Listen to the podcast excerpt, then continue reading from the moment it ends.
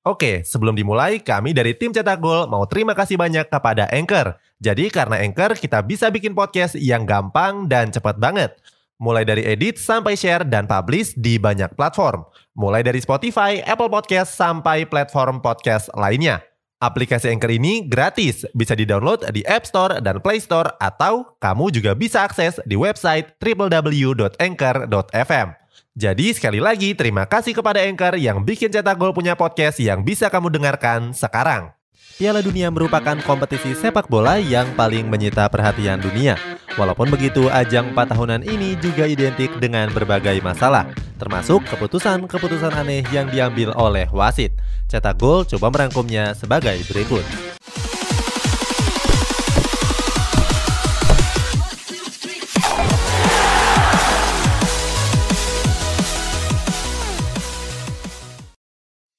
Piala Dunia 2002 Piala Dunia 2002 jadi momen yang gak bisa terlupakan bagi warga Asia. Pasalnya, ajang 4 tahunan tersebut digelar di Asia untuk pertama kalinya. Saat itu FIFA menunjuk Jepang dan Korea Selatan untuk menjadi tuan rumahnya. Pada Piala Dunia edisi kali ini juga menampilkan dua negara debutan yakni China dan juga Senegal. Piala Dunia 2002 meninggalkan sejumlah momen yang unik. Saat itu timnas Prancis yang jadi negara unggulan justru kalah oleh negara yang gak diunggulkan. Skuad The Blues menyerah di tangan Senegal dengan skor tipis 1-0. Selain meninggalkan momen unik, Piala Dunia edisi ini juga mempertontonkan sejumlah keputusan yang kontroversi. Keputusan tersebut terjadi pada laga antara Korea Selatan menghadapi timnas Italia. Saat itu, skuad Gliazuri merasa dirugikan oleh kepemimpinan sang wasit.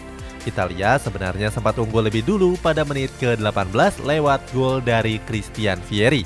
Sayangnya dua menit berselang Korea Selatan membalasnya lewat gol dari Sul Ki-hyun. Laga yang berakhir imbang ini dilanjutkan ke babak tambahan waktu.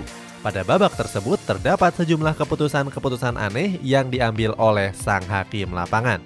Mulai dari kartu merah Francesco Totti, gol Diamino Tomasi yang dianulir pada akhirnya timnas Italia harus takluk atas Korea Selatan dengan skor 2-1. Saat itu An Jung Wan mampu mencetak gol pada menit ke-117 pertandingan. Uniknya Byron Moreno yang merupakan wasit pada laga tersebut juga terlibat dalam kasus kriminal. Byron tertangkap tangan membawa 13 kg narkotika ke Amerika Serikat. Piala Dunia 2006 pada Piala Dunia 2006 terdapat keputusan aneh pada laga grup F yang mempertemukan Australia dan Kroasia. Saat itu wasit Graham Paul memberikan tiga kartu kuning kepada satu pemain. Insiden ini terjadi pada penghujung laga, tepatnya pada menit ke-90. Saat itu, bek Kroasia Josip Simunik melakukan pelanggaran keras kepada pemain Australia. Anehnya, itu adalah kartu kuning kedua Simunik dan Paul nggak langsung mengeluarkan kartu merah. Sejumlah pemain Australia pun mempertanyakan keputusan aneh tersebut. Akan tetapi, Paul tetap bersikeras dan enggan memberikan kartu merah untuk Simonik. Pada menit ke-93 pertandingan, Simonik kembali berurusan dengan Paul.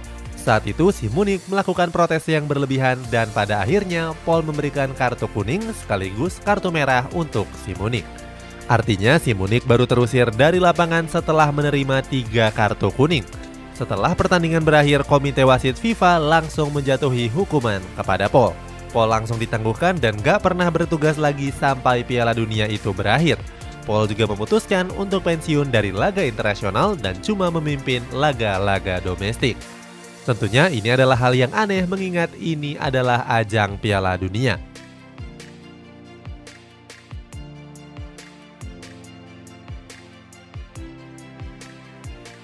Oke, sebelum dilanjut, ada yang penasaran nggak? Gimana caranya bikin dan nyebarin podcast yang kayak gini? Nah, ini karena tim Cetak Gol pakai Anchor. Mulai dari rekaman, edit suara, tambah lagu, sampai drag and drop bisa kita lakukan sendiri pakai Anchor. Satu aplikasi sudah bisa buat semua kebutuhan podcast.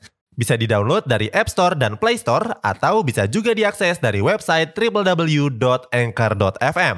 Terus yang terpenting, Anchor ini gratis. Download dan coba sendiri setelah tonton episode ini. Gol Frank Lampard yang dianulir. Babak 16 besar Piala Dunia 2010 mempertemukan laga big match antara Inggris dan Jerman. Pada laga tersebut terdapat keputusan aneh dari sang wasit. Yang paling fenomenal terjadi pada menit ke-39 pertandingan. Saat itu Lampard melepaskan sepakan kencang dari luar kotak penalti yang membentur mistar gawang. Sayangnya wasit nggak menganggap sepakan itu menjadi gol dan langsung melanjutkan laga saja. Padahal dalam tayangan ulang bola sepakan Frank Lampard tersebut sudah melewati garis gawang. Lampard yang sudah terlihat akan berselebrasi mengurungkan niat dan merasa kecewa. Lampard menunjuk-nunjuk seakan memberitahu kalau bola sudah melewati garis gawang. Pada akhirnya, skuad The Three Lions takluk di tangan Der Panzer dengan skor telak 1-4. Sementara itu, banyak yang menyebut kalau gol Lampard sebagai gol hantu. Keputusan aneh tersebut jadi inspirasi FIFA dalam menerapkan teknologi garis gawang. Teknologi tersebut mulai digunakan pada Piala Dunia edisi yang selanjutnya.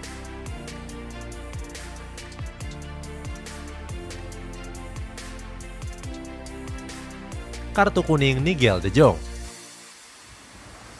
pada Piala Dunia 2010, keputusan kontroversi wasit juga terjadi pada laga final. Partai pamungkas tersebut mempertemukan timnas Spanyol melawan Belanda. Pada menit ke-28 terjadi duel perebutan bola antara Sabi Alonso dan juga Nigel De Jong. Duel ketangguhan tersebut dimenangkan oleh Sabi. Merasa nggak terima, De Jong langsung mendaratkan kakinya ke dada Sabi. Akibatnya, Sabi Alonso tergeletak dan harus mendapatkan perawatan yang intens. Sayangnya, wasit Howard Webb yang memimpin laga cuma memberikan De Jong sebuah kartu kuning saja. Mengetahui hukuman tersebut, para pemain La Furia Roja langsung melontarkan protes. Mereka menganggap kalau aksi Kung Fu De Jong layak mendapatkan kartu merah. Sayangnya protes tersebut nggak digubris oleh Howard Webb dan Spanyol pun akhirnya meladeni permainan keras dari Belanda. Tercatat sampai selesai pertandingan kedua tim menghasilkan sedikitnya 14 kartu kuning. Keputusan aneh Mirolat Mazik